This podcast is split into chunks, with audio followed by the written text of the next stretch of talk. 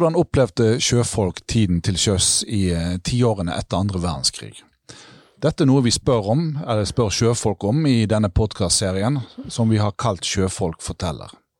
Tanken er altså å gi deg som lytter på, altså noen personlige glimt kan vi si, av livet til sjøs. Du hører på Museum Vestpodden. Mitt navn er Bård Gram Økland. Gjest i studio er pensjonert skipper eh, Odd Arvid Nilsen. Du eh, reiste til sjøs allerede i 1953, som vi skal få høre om. Eh, har, vi skal fokusere litt på din tid som førstereisgutt, men du har jo fortsatt eh, å seile helt fram til vel år 2000. Ja. Så du har en lang karriere til sjøs. Eh, der du har klatret i hierarkiet eh, fra dekksgutt til eh, skipper. Jeg har jo lyst til å spørre deg sånn til å begynne med, hvorfor ville du dra til sjøs? Ja, det, det spørsmålet har jeg stilt meg sjøl òg mange ganger. Er, jeg vet ikke, men det er vanskelig å finne noe eh, svar på det. Men jeg føler en form for kanskje en lengsel.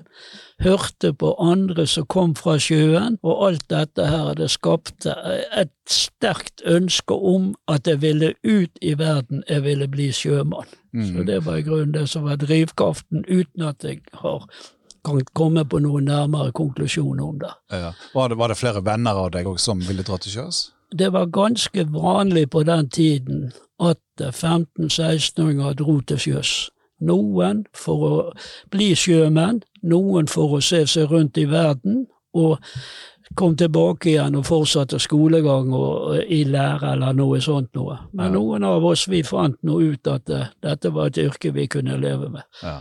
Og du dro til sjøs i 1953?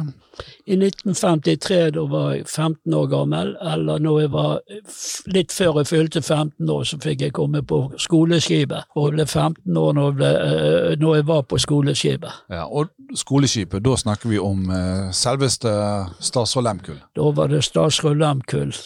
Og vi var ikke på tukt den gangen. Var, vi var forespeilt å reise på tukt, men uh, vi ble liggende på kai hele tiden. Hvor lenge var du om bord da?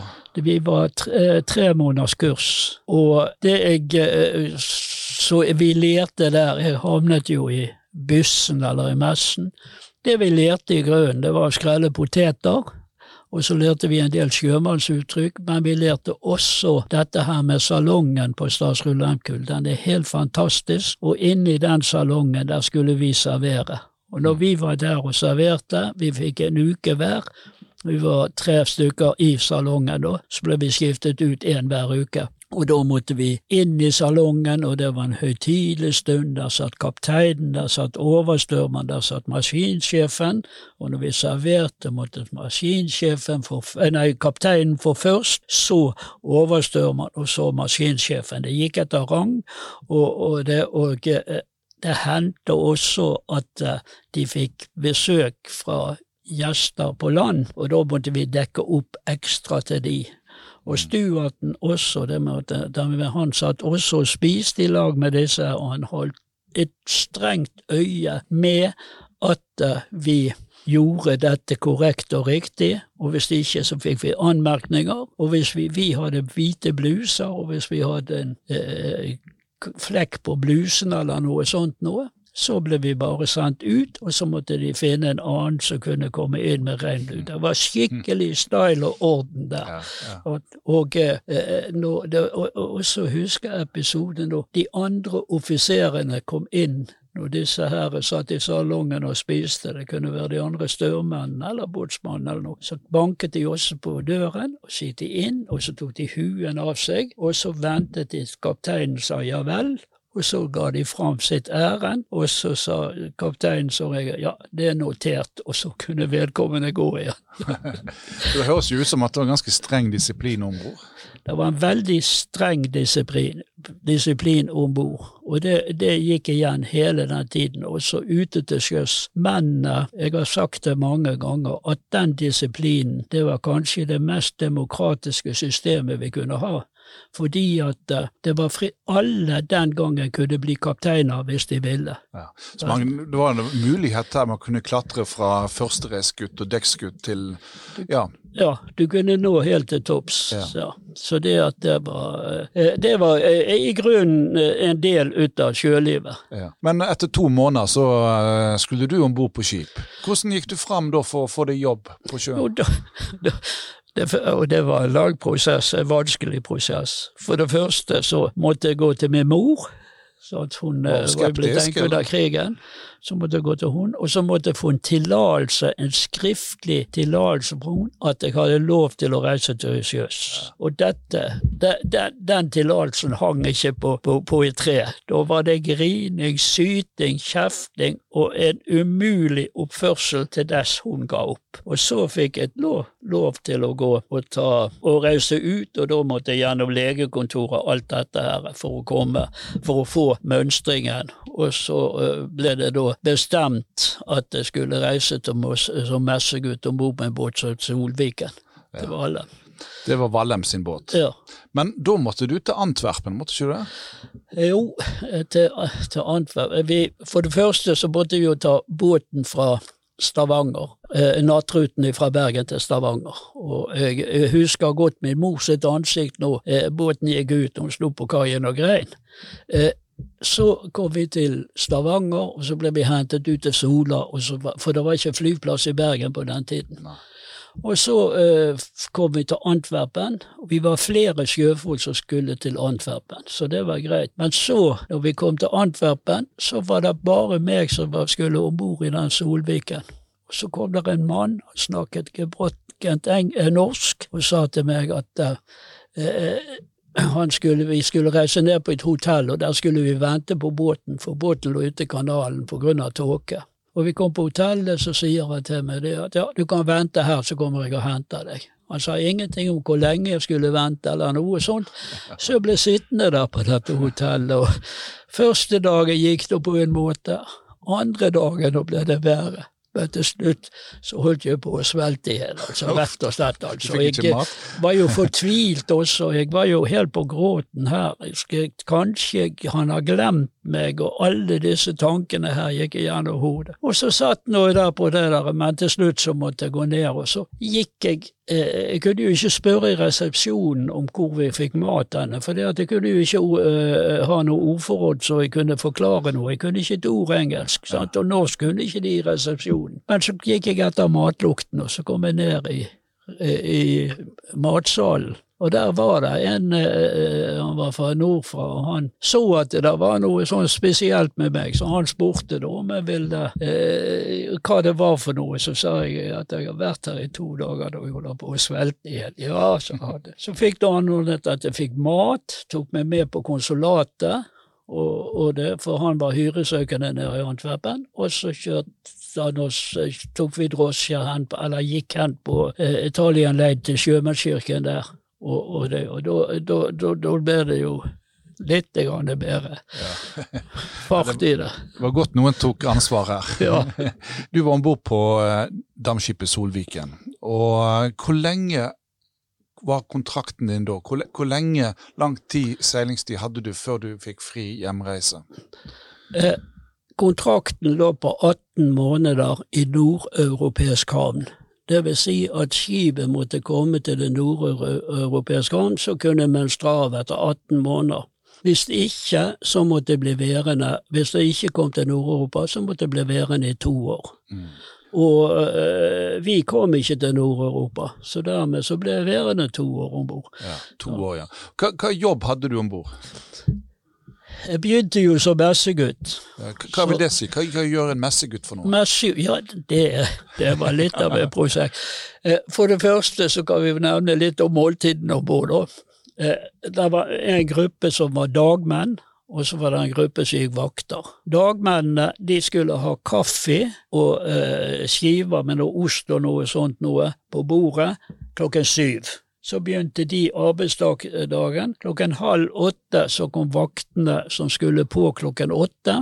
Så skulle de ha frokost, og det var som regel også en varm rett tilknyttet den. Eh, Så kom dagmennene tilbake igjen klokken eh, åtte. Mm.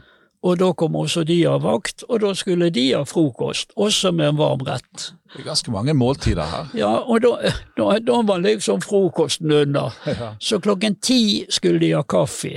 Det, det var en uh, ordning som, ble, uh, som jeg har fått forståelsen av var noe de begynte med under krigen. At uh, de, tok, de tok en pause, ti-kaffe igjen, som de kalte det for. Og så kommer du igjen klokken halv tolv. Så skulle de som skulle på vakt, ha middag. Full middag. Og så skulle eh, Da kom de andre som gikk av vakt klokken eh, klokken tolv og skulle ha full middag. Og så var det sånn at denne messen, vi hadde jo messe akterut, vi hadde ikke noe eget oppholdsrom. Og i den messen så var det sånn at eh, like innenfor døren til messen på styrbord side, det var underoffisersbordet. Der satt båsmannen, tømmermannen, dunkemannen og eldste matros. De var fire mann med det bordet, og de skulle alltid ha maten først, og de skulle alltid ha varm rett først. Og det, var, eh, det- måtte man liksom Så- passe på. Så hierarkiet, altså skipshierarkiet, Ja da, det, det var det. veldig tydelig når det gjelder måltider. Det var helt tydelig når det gjaldt måltider og sånt noe. Og så var det da at uh, fyrbøterbordet skulle ha mat, og så fikk eh, lettmatros og jogmann eh, eh, bordet mat. Så det at dette måtte gå i en spesiell rekkefølge. Og, og, og, det, og, og kaffe måtte jo eh, Det som var morsomt også, det var jo det at eh, maten måtte hente på midtskipet, og messen var akterut. Så hvis det var storm, da, så Ja, nå måtte gå, jeg husker en gang jeg kom, hadde vært og hentet, vi hadde sånne bakker som vi bar maten i, som var tre forskjellige, det var varmrett poteter og litt sånt noe. Og så da jeg kom bakover dekket, så uh, gikk jeg på feil side antagelig, fordi at da kom der en sjø veltende innover dekket, og der lå jeg, og der lå matrestene, og det, og, men i forkant av pumpen jeg kommer ikke å glemme det. Der sto tømmeren og båsmannen og så på dette her, og de holdt på å le seg i hjel. Og jeg ble helt fortvilt. Tårene rant nedover. Jeg måtte gå tilbake igjen til kokken og få nye bakker med Oi. ny mat som jeg kom akter med. Så det at, eh, men det, det, da lærte jeg fort dette her med å sitte sjøbein og holde meg på le side. Så, så, det, at det var en god lærepenge den ja, gangen. du får nye erfaringer hele tiden her. Ja. Men etter hvert så ble du jo eh, dekksgutt. ja, det var hva, hva hva gjør en dekkskutt for noe? Dekksgutt, da, eh, for det første så måtte jeg lære å styre, det var det viktigste. Det var til å kunne lære å styre båten, og det var ikke så enkelt den gangen var det et ratt og et kompass du skulle så styre etter. Og eh, eh, i dette var magnetkompass, så kompassrosen der lå og levde inni dette, og du skulle forsøke å holde en bestemt kurs. Etter hvert så lærte jeg det fordi at styrmennene var flinke å gi meg opplæring, men samtidig som jeg gikk, eh, lærte å styre, da hadde vi én time eh, til ros, og så hadde vi én time på utkikk. Og utkikk, da skulle vi gå på bakken. Og så var det slik at på bakken, den gangen hadde ikke vi eh, noe høyttaler. Så den gangen måtte vi kommunisere med klokken, og, og, og skipsklokken. Ja. Og skipsklokken, den kalte vi å slå glass. Ja. Så hvis du slo ett slag, da så du et lys rett forut. Slår du to slag, så slår du et eh, lys på babord side, og slo du tre slag, så var det på, eh, nei, på, to på styrbord side og tre på babord side. Sånn holdt vi på å kommunisere, da. Og så når du hadde vært der framme en time, så hadde romanen han hadde en snor frem til klokken. Så han fulgte med på klokken, og når klokken var der at det var vaktskifte, så slo han i eh, slag i klokken, og da kunne vi gå bak, og så fikk vi ta en røyk før vi gikk opp på broen. For det var helt forbudt å røyke på broen. ja. Men eh, du var messegutt, du var etter hvert dekksgutt. Eh, Men hvor seilte du eh, de to årene du var om bord på, på eh, Solviken? vi gikk på den amerikanske østkysten, mellom Karibia eh, opp til eh, ja, vind, eh, Sommeren gikk vi helt opp til Montreal, og da hadde havna Boston og New York og Baltimore, alle disse havnene nedover kysten der. Og så vi, gikk vi gjennom Panamakanalen, og så gikk vi ned til Peru og Chile den, den veien. Ja, akkurat. Så det var mye Amerika, kan du det si. var og der nord og det sør. gikk. De to første årene gikk jeg frem og nedi der. Ja. Hvordan bodde du om bord? Hadde du egen lugar? Nei, vi var tomannslugar, og uh, i de to, der var køyer. En overkøy og en underkøy. Uh, når jeg var messegutt, så ble oppgaven min at det skulle ligge i overkøyen, og dekksgutten hadde underkøyen. Uh, når jeg så ble dekksgutt, så fikk jeg flytte ned i underkøyen, og så kom det en ny messegutt, og han flyttet opp i overkøyen. Ja. Sånn holdt vi Så vi hadde to, de som hadde enmannslugar, det var fyrbøttene, matrosene, båsen og tømmermannen. Men følte du at eh, Så du delte lugar, men følte du på en måte at uh, lugaren ble sånn privatliv? At du kunne ha privatliv der? At det, at det ble noe du kunne, et sted du kunne trekke deg tilbake på en måte? Nei, i grunnen hadde jeg ikke noen refleksjoner over. Vi kunne sitte på dekk når det var nede i, på varmen. Så kunne vi sitte ute på dekk hvis vi så har noe privatliv og noe sånt noe. Altså, lugaren eh, var ikke noe sånn spesielt privatliv. Da var det mer oppe i messen. Mm. For i messen var det fire bord, mens det var tre av de som var brukt til bespisningen. Så det fjerde bordet, det var der, og der kunne man sitte, skrive brev.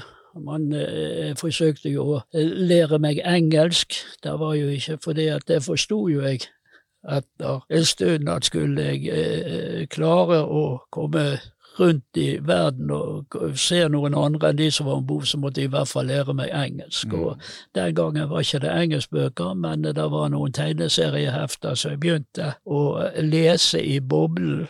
Og så forsøkte jeg å få en mening av hva det betydde, de forskjellige ordene. Eh, Men etter hvert så eh, fikk jeg en, jeg tror det var av Stuart Nederland. Jeg fikk en lærebok i eng eller en ordbok i engelsk, og så eh, lærte jeg da så hadde en bok som jeg skrev not, eh, sånne eh, og det. Og lærte da litt grann sånn engelsk etter dette her, men uh, uttalen ble jo så som så deretter. Ja, Men det er jo ikke verst. da. Du sjøllært eh, i engelsk der om bord. Ja, fordi at det å engelsk på, på, på skolen, da ble ikke gitt eh, opplæring i, i vår klasse. Vi var 30 elever i klassen, og i vår klasse så var det seks stykker, de beste i klassen, de største skolelysene, som fikk lov til å lære engelsk, og jeg var nå ikke i den kategorien. nå Nei, akkurat. Men, men, eh, men eh, om bord eh, Møtte du krigsseilere om bord? Altså, dette var 1953, sant? 1954. Så, så, så, så det er jo ikke så lenge etter krigen. Men var det tidligere krigsseilere? Det var ikke mange, men det var en del tømmermann og båsen hadde vært krigsseilere om bord. Eh, Eller eh, hadde vært ute under krigen, og flere av offiserene hadde vært ute under krigen. Men uh, jeg husker spesielt én episode der. Vi hadde jo noe som het uh, Sjømannsforbundet, eller Junien som de kalte det, for det gikk lang tid. Fagforeningen, ja. Ja, det gikk lang tid før jeg skjønte hva det der begrepet junien sto for, men jeg måtte i hvert fall være medlem der. Og jeg husker på et sånt junimøte, hadde, og dette var før krigsseilerne den gangen holdt jo fortsatt på å kjempe om å få lønnen sin etter krigen. Den saken var ikke avgjort i Høyesterett. Mm, fra Notraskips hemmelige fond. Ja, dette er fra Notraskips hemmelige fond. Og, og, det. og så husker jeg eh, eh, spesielt en episode vi hadde sånt junimøte, og da var telegrafisten han hørte til også og Sjømannsforbundet, så han var da sekretær. Og jeg kan ikke helt huske hvem som var, var tillitsmann, men det var nå en av disse akter. Og disse salongjentene og Stuarten, de var også til stede. Og så husker jeg det at eh, de kom inn på dette her med Notraskipfondet og hvordan rettssaken var. Det var en som spurte. Og så var det en ut av disse her eh, smørene, eller hva som var fleipet i kjeften når de snakket om ja ja, vi får nå hyren vår, så skal nå det bli bedre boller. Og så var det en som sier da at hva hun skal du med denne hyren, du kommer bare til å drikke den opp allikevel. Og det var til Båsen han adresserte det. Og Båsen, han Altså, jeg, eh, eh, jeg mener at det går an å lese mord i blikk, så var det der. Og han sprang til og skulle ta han eh, der smøreren, men heldigvis Så Stuarten han var også krigsseiler, og han var stor og røslig så han fikk huge hatt i båsen før det, det, skjedde noe mer. Eh, Stuarten var jo også krigsseiler, så det at når de roa seg ned da, altså Så roet jo dettere seg da, og så mm. fikk eh, Stuarten var hentet en flaske brennevin og skikk tømmeren og båsen der, og de var krigsseilere alle sammen. Satte seg ned i dogaren og tok seg en Jeg hørte de satt og pratet etter langt på natt. Mm. Så eh, det, det, var liksom Men ellers så vil jeg si at eh, krigsseilerne, eh, de var spesielle. Men det som var veldig karakteristisk for de var bunn hederlige. Det var helt utrolig, altså. Og, og, og, det samme var med arbeid og sånt. Båsen, jeg var dekksgutt, jeg skulle jo lære. Båsen ga seg god tid med å lære. Så akkurat det var ikke noe spesielt med de. Man har jo sett en del krigsseilere i land som ikke har klart til å leve opp til ja. den tiden. Men eh, de var i grunnen fåtallet ut av de som kom igjen, og noen få av de seilte. Og mm. der var Bossen han var en, og tømmeren var en av de akter. Det. Det, det, er jo et mannsmiljø om bord på, på, disse skipene her. Altså, um, var det noen kvinner i hele tatt om bord på Solviken? Ja, det var kvinner, det var øh, kvinner, men de var midtskips. Det var ingen akter. Mm. Så det, at det, det, var kvinner, men uh, det var et uh, mannsdominert samfunn, og et mannsdominert altså det uh, Vi lærte jo litt om Vi visste jo at det var mange uh, veneriske sykdommer rundt om i de forskjellige samlene og sånt noe. Og men Og den, det vi lærte om prevensjon, det var rett og slett skrekkhistorier. Da, da det, ble det snakket i messen om noen som hadde vært sammen med en kvinnfolk. Og, eh, dette her jern gikk opp i opp oppløsning, og rente ut gjennom øret. Det skremte jo vidt ut av oss førstereisgutter, så vi turte jo knapt nok å se den retningen som jettigen gikk i land. Så det var jo en form for forebygging, det også. Men det var skrekkhistorie det der som skremte oss, liksom, fra dette her med det. Men eh, det forekom jo en del veneriske sykdommer, det gjorde jo det. Sant? Men hva med, kunne man gi en klem, eksempel? Mannfolk igjennom? Ja. Nei, du gal, det, det kan du bare glemme. Nei, det var et mannsdominert samfunn, ikke sant, og det var kun uh, Enten var du mann, eller så var du dame. Ja, ja. Og en dame kunne du klemme. Og, og hva, og hva med, med altså, Var det ting man ikke kunne snakke om? Altså, altså, vi vet jo at det skjedde.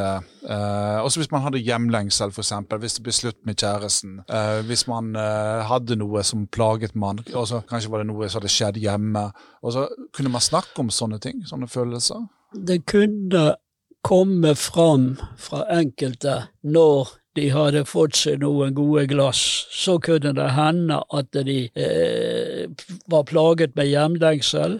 Og eh, det var også, husker jeg en krigsseiler, han eh, hadde snakket mye om dette her med eh, en gård han skulle overta, men det var jo etter Nortraship, at han var en gård han skulle gå med hjem, og han og moren og sånt noe. Men det ble aldri noe av, det bare kom fram hver gang han var beruset. Men ellers så snakket man ikke om hjemlengsel og ikke om psykiske problemer i noen som helst slags form. Altså det, det var tabu. Men likevel så har fra den tiden der så har Direktoratet for sjømenn foretatt en del undersøkelser, og det viste seg at den yrkesgruppen i eh, Norge som hadde flest selvmord, det var blant sjøens folk, og de fleste tilfellene skjedde når de gikk ut fra en havn eller i forbindelse med høytidene. Det, det, det, var liksom eh, der det skjedde, men det ble aldri snakket om det. Men eh, det ble skrevet en del om det i denne frivakt, og det ble jo også gjort en del arbeid fra velferden med å få eh, ja, eh, sånn assistenter til velferden og alt mulig sånt noe. Sånt, og mm. arrangerte idrettsarrangementer. Det kom jo. Ja. Men når du, når du, nevner selvmord, også, opplevde du at det skjedde på eh, Solviken eller noen av de andre skipene du var på seinere?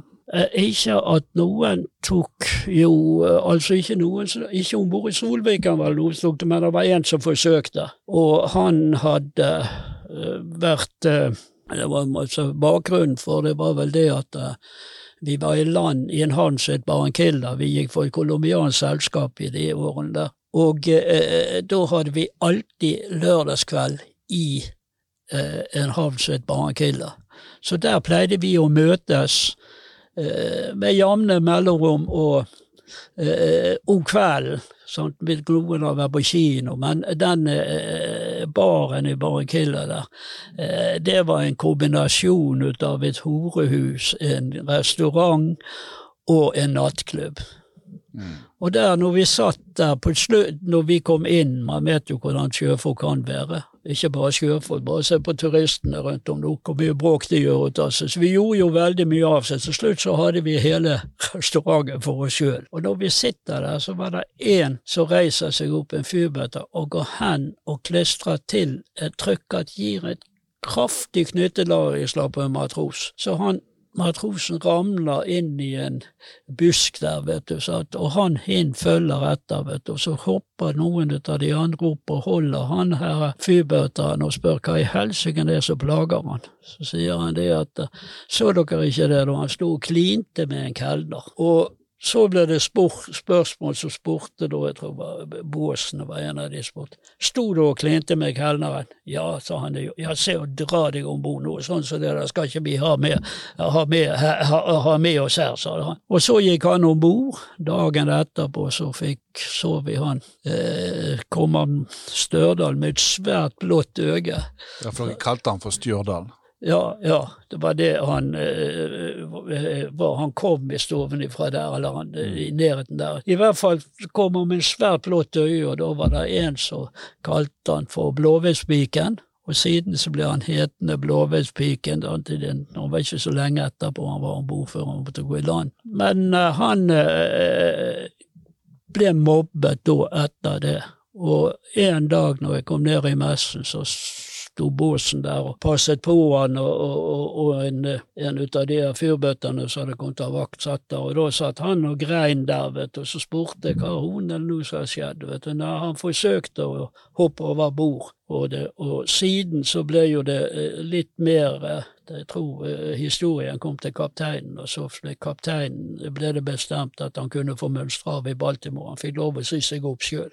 Men han ble jo da anmodet om å enten sier du deg opp, eller så får du sparken. Altså, ja. Benytte seg av det. Og så eh, Skeivhet, det er jo et ord vi bruker i dag. Den gangen så hadde man andre ord for det. Eh, og Var dette noe man kunne snakke om bort på skipene? Nei, det var ting som vi ikke snakket om. altså. Det, det kunne hende vi brukte det som et skjellsord for en eller annen hvis vi var forbanna på det eller noe sånt noe, og så kunne man kalle det rumpis. Sånn det var det, det liksom da, vet du, men det var et skjellsord men ellers ble det aldri snakket noe om dette her. Vi, vi, men det, det, det, det, var aldri noe tema utenom det, altså. Eh, dere, dere mannskap imellom, altså, hadde man kallenavn? Eh, du nevnte at den personen her ble kalt for Stjørdal, men, men, men hadde man liksom tilnavn på hverandre? Nei, vi hadde ikke til, eh, tilnavn på hverandre. Vi brukte et kun veldig ofte stedsnavn. Det var Oslo, det var Bergen, det var Trondheim, det var Tromsø. Det var, hvor de kom henne, det brukte vi. Og det tror jeg har sammenheng med at den tiden vi var om bord, og var lenge om bord, så ble vi godt kjent med hverandre. Men vi visste at den dagen vi skilte lag, så ville det heller ikke være noe mer kontakt. Sant? Og det er flere folk jeg har reist i lag med som jeg ikke vet navnet på den dag i dag. Mm. Det, så, det, så, så vennskapene er avhengig av den tiden man seiler sammen, og så, så forsvinner litt vennskapene etter det?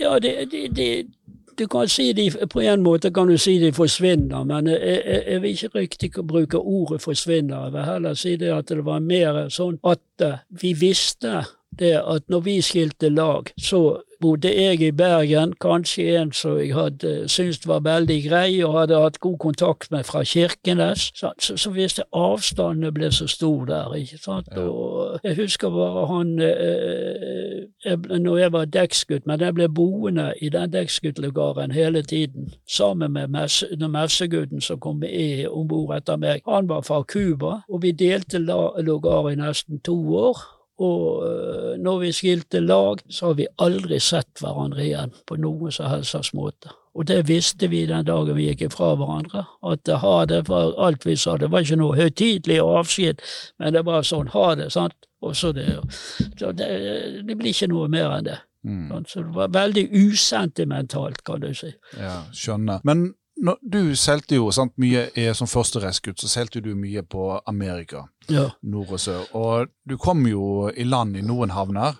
Eh, har du noen, altså, hva, har du noen favoritt, favoritthavn? Eh, jeg vil si at uh, New York var en havn vi alltid gikk inn til. Sant? Eh, hvis vi skulle nevne også noen andre, så var det Cartagena i Colombia, de to havnene. Men New York, der uh, hadde vi ofte helg.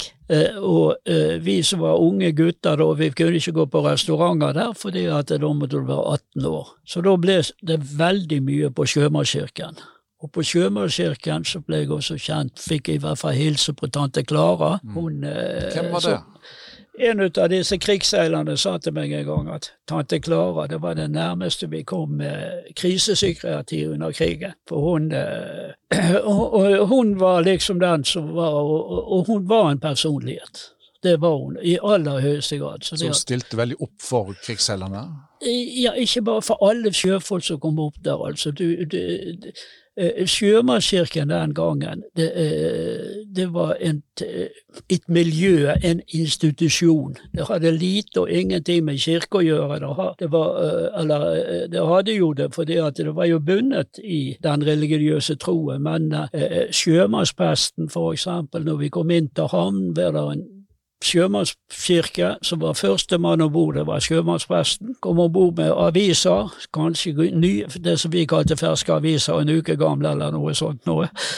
Og han stilte på fotballkamper og alt mulig sånt noe sånn. Dommer på fotballkamper, da ble skjelt ut for det verste de gjorde noe. Og, og det, men, så det, de, det, var en del sånn, altså. Så det, det, det var ikke noe De kunne skape høytid i kirken, men eh, det var også mye mer sånn. Vi satt der og røykte og drakk kaffe og spiste vafler og gode greier og sånt. Ja, sosial møteplass. Så det var veldig sosialt. Og så traff vi folk fra andre båter, kanskje folk fra andre steder enn eh, Eller fra hjemstedet og sånt noe. Så vi ikke visste vi var til sjøs eller noe sånt. Så det at det, det, var, det var noe mer enn en kirke i aller høyeste grad den gangen. Mm. Det, når, når, du var i havn, fikk du deg tatovering forresten? ja, det var også Vi var eh, Jeg tror eh, Jeg mener det var det, Vi skulle gjennom Panamakanalen, og så ble vi liggende og Hadde vi last med til Panama, så vi losset lasten der, og så gikk vi på land. Og så var det vi en type Fredrikstad, tror jeg han var fra. Han het, I hvert fall kalte vi han Fredrikstad. Han hadde en tatovering, men han hadde funnet seg en jente, og så hadde han et navn på skulderen, tror jeg det var. Og det navnet det passet ikke helt med den jenten han hadde funnet nå, så han måtte jo inn til en tatoverer og fikse på dette her. Og så og, ble det sånn at det ble dratt med, da, vet du. Sant? Og så ble det mye sånn om og men. Jeg ville ikke ha noe, men til slutt så ble det noe til at det ble noe overtatt òg, vet du. Jeg tror ikke det var så veldig sterkt, men det ble i hvert fall overtatt ta en uh, tatovering på armen. Og uh, den gangen så var det jo ikke akkurat de mest sanitære forholdene det var, vet du. Så for han der tatoveren, han brukte de samme nølene på meg som han brukte på Fredrikstad. Og når jeg hadde fått denne tatoveringen, så ble jo det der såret betent, og veldig ondt. Og jeg kunne jo ikke gå til styrmannen og si at jeg hadde fått tatovering, for da hadde jeg bare fått beskjed om å dra meg akterut igjen, og, og, og det, når jeg var så dum, så fikk jeg ta konsekvensen av det. Men uh, så det var båsen, da, så sa jeg måtte gå til styrmannen og si at jeg hadde vondt i hodet. Så fikk jeg, for det er uansett hva som feilte den gangen, så fikk du acetylsalicylsyre. Det gjaldt for alt. Sant? Hva det er for noe, det vet jeg ikke. Men eh, da fikk vi det, og da, etter hvert, så gikk jo denne betennelsen i armen over. Sant? Så det, så det at eh, Hva, hva tatovering fikk du da på armen? Jeg fikk eh, tatovering ut av et anker, en krans og et hjerte. Tro, håp og kjærlighet. Og dette her, det, eh, barnebarna mine, de er jo nå blitt så store at de har begynt å se tatoveringer. Noen har bare skrevet navnet der, og noen går og ser om de kan finne en lignende tatovering og sånn. Så det at det, men det, den gangen så var jo tatovering et symbol på en sjømann. Sant? Altså det, det, det tilhørte, det var en del ut av yrkesmerket vårt. Mens i dag så ser jo man alt mulig, så uh, alle former for dekorasjoner rundt om på kroppene på enkelte. Ja. Men du nevnte medisin her mot, uh, mot uh, hva skal vi si, Ikke mot tatovering, men mot, mot smertene. Og, og hva, hva, hvis man ble syk til sjøs? Altså, hva, hva, muligheter hadde man da? I 1950-tallet? 50-årene? vi hadde vel Det var lite muligheter. Jeg husker én episode. Det var litt trist. Vi hadde fått om bord en uh, tredjemaskinist oppe i New York. Og han uh, kom om bord. Vi akta, vi var, ble jo ikke så veldig kjent med ham, men i alle fall, når jeg kom til Ros en dag, så hørte på maskinslagene at nå går vi langt over det som maskinen tåler, nesten, og en helt annen kurs enn det jeg trodde vi skulle ha. Så fikk du, spurte hva det var som var gale, og alle offiserene var på broen. Og så fikk, sa tredje styrmann til meg at eh, annenmaskinisten er blitt veldig syk. Og så eh, hadde salongjenten gitt funnet i logaren til annenmaskinisten noen insulinsprøyter. Så da forsto de at det kunne være sukkersyke, og telegrafisten sendte et telegram inn til US Coast Guard om å få et slipp med insulin ifra de med fly, ut med fly, for det at helikopter ville ikke rekke så langt. Og flyet, når vi hørte, jeg mener vi, jeg hørte flyduren, da eh, kom de med beskjed at han var død. Og eh, så måtte vi, da eh, var det planen først at man skulle eh, gå til Bermuda og forsøke å få han gravlagt der. Det var i grunnen den nærmeste havnen Bermuda. Men så kom det et telegram at eh, han kunne begraves i sjøen. Og eh, det, det, var en litt sånn uh, spesiell høytid, altså, med at uh, han ble sydd inn etter det jeg fikk forklart. og jeg var ikke med på det, men de Tømmermannen og, og tredje størmann sydde han inn i presenning med jern for at det skulle synke fort og sånt noe. Så ble han lagt på en sånn luke oppe på uh, der med flag, norsk flagg over seg og så kapteinen, han leste noe. Vi, vi, holdt oss litt mer, vi tok på oss besteklærne, offiserene stilte i uniformer. Og så stilte vi oss litt sånn i bakgrunnen, for vi hadde ikke så veldig sterkt forhold til han annenstørmen som de at eh, annenmaskinisten som de andre hadde. Og så leste eh, kapteinen noe fra Bibelen, og så eh, sang de en salme, og så løftet de på den luken, og så glei han over bord og så heiste vi flagget igjen på full stang. Og så lå vi i ro en uh, times tid hvor observiserende tok alle disse posisjonene for å ha nøyaktig posisjon og sånt, og før vi gikk videre. Men uh, selve historien gjorde veldig sterkt inntrykk på meg på én måte, men uh, på den annen side så, så, så var det ikke så veldig personlig allikevel fordi at uh, det var så stor avstand mellom offiserer og mannskap. Det er jo en gripende historie du forteller. og uh, En annen ting er jo at akkurat nå når vi spiller inn denne eh, podkasten her, så er det jo snart jul. Eh, snøen ligger ute akkurat for øyeblikket i Bergen. Rundt Bergen sjøfartsmuseum. Og eh, jeg må jo spørre deg, har du noen minner om julefeiring eh, fra, fra til sjøs på uh, Solviken? Jeg har jo hatt flere juler i utlandet, men det er to juler som jeg husker godt fra førstereisgutten. Det ene var jeg tror det var San Thomas vi lå i nede i Karibien. Det var, jeg en gammel sånn slaveøy for uh, danskene. Og da var der uh, Ja, skipperen kom akterut, vi satt jo i messen, der var jo ingen aktivitet. Kom akterut i messen, ønsket oss god jul, og så fikk vi noen pakker ifra eh, Sjømannskirken, og så ble det mye flasker og glass ut av det. Og, og, det, og det var rett og slett ikke en, en høytidsstund. Jeg syns eh, det ble mer en stor fyllefest ut av det, for å si det veldig eh, brutalt. Og, og, det, og, dagen etter, på søndagen, eller an, første eh, juledag, da var det stille og rolig land, for da var alt stengt. Så det at da lå de første og Jeg mener vi fikk, men det husker jeg ikke godt nok, vi mener vi fikk ribbe til, eh, på julaften og eh, svineribbe på juledag, men det, det, det skal være usagt, mm. For jeg vet ikke om vi spiste noe særlig der. Men den andre sjøen jeg fikk, opp, øh, fikk oppleve øh, andre julen jeg fikk oppleve, det var når vi på vår vei oppover til Halifax, og øh, vi gikk over dette berømte Bermudatriangelet. Mm. og hadde fint og stille vær. Fin dønning lå der, og det julaften så fikk vi akterut servert uh, pinnekjøtt, og det ble servert klokken seks.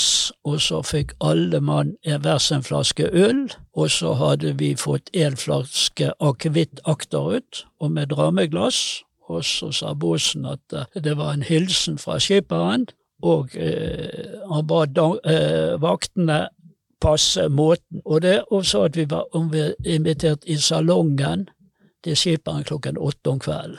Og kom opp i salongen da klokken åtte, ja, nede i messen. Det var noen som forsøkte seg på julesanger. Det var ikke så veldig vellykket. Så det at vi gikk nå heller opp der, og kom opp i salongen, der var det dekket til kaffe. Mm. Det var veldig flott. Det er jo stor salong, så det var plass til de fleste rundt salongbordet. De hadde antagelig tatt ut noen klaffer og sånt noe, og de hadde slått ut døren uh, til, uh, inn til rederlogaren, som var veldig god flats, og der var pyntet med norske flagg. Der var et juletre, og det, det hadde vi, juletrepynt hadde vi også hatt i messen, men der var veldig fort pyntet, og, det, og vi satte oss ned, og det var kaffe, øh, skulle serveres kaffe, og det var julekaker på bordet. Og når vi hadde da satt oss ned og sånn, så reiste kapteinen seg, og så eh, veldig høytidelig, altså en kaptein den gangen, det var en kaptein, det var ikke, det var ikke noe vefsel. Og reiste han seg, og så ønsket oss velkommen og en god jul, og så leste han juleevangeliet, og det er sikkert var flere av oss som aldri hadde hørt juleevangeliet før, men han eh, leste dette her og det, og så når han var ferdig å lese juleevangeliet, så ba han oss synge en sang, og da tok vi frem et hefte som vi hadde fått fra sånn lite hefte som vi har fått fra, som lå på alle tallerkenene, og vi sang eh, Deilige jorden. Eh, dette husker jeg veldig godt. Og så etter det så sier han, og så overlater jeg ordet til uh, telegrafisten, som da skulle fungere som en slags toastmaster. Og så begynte telegrafisten at nå har vi fått telegrammer hjemmefra, jeg skal først lese de. Og så var det da ifra eh, kong Haakon, han ønsket eh, alle sjøfolk god jul, og så var det etter det så var det da eh, fra rederen kom det telegram, og ifra konen til kapteinen, hun hadde vært med i, når vi var i Europa. Og eh, dermed så uh, leste han de, og så har jeg med uh, andre telegrammer, og så var det da navn til de av mannskap og offiserene som han hadde fått telegram for, og den gangen virket telegrammene sånn at du kunne velge en telegramtest bare med et nummer. Mm. Og så ble det sendt inn, så, men telegrafisten hadde lagt dette inn i konvolutt. Hver enkelt fikk sitt telegram, og, og, det, og eh, de fleste bare tok og stakk det i lommen. Og eh, det samme var eh, når eh, var det brev, så det sto 'leveres på julaften'. Og eh, der delte han ut, og så de fleste da som fikk brev, de tok vare på dette brevet, men de leste det ikke da. Og så når vi satt, gnisten var ferdig med denne historien, så hørte vi et helsikes rabalder ute i gangen. og så kom det inn en nisse. Alle så jo at det var Stuarten, og så hadde kledd seg ut som julenisse. Og så med den tradisjonelle 'er det noen stille barn her', og dette her. Og så eh, sa han 'jeg har med noen gaver her', sa han, 'men eh, jeg skal så mange steder, reinsdyrene står ute og venter', så jeg ber disse her jentene, det var de to salongjentene, om å lese opp disse julegavene.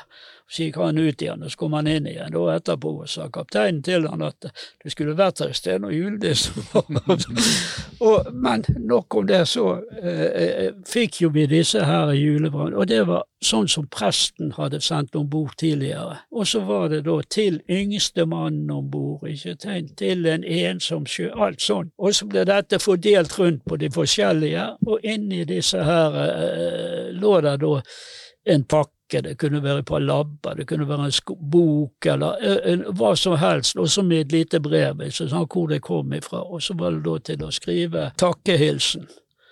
Og jeg nevnte jo han Cuba. Han eh, fikk faktisk en pakke fra en ovenifra Hallingdal, eller et ektepar oppe fra Hallingdal. Og han holdt på å brevveksle med dem så lenge han var om bord, i alle fall. Mm. Men det Eh, den rammen rundt julen i sjøen, det var en verdig eh, ramme.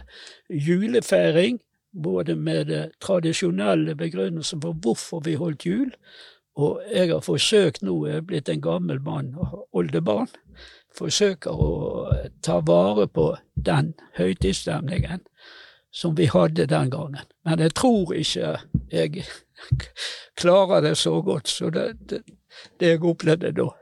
Så det var sterkt. Da vil jeg si tusen takk til deg, eh, Odd Arvid Nilsen, for at du kom og delte dine minner. Og programleder er altså Borg Gram Økland, og produsent har vært Ådne Søhol.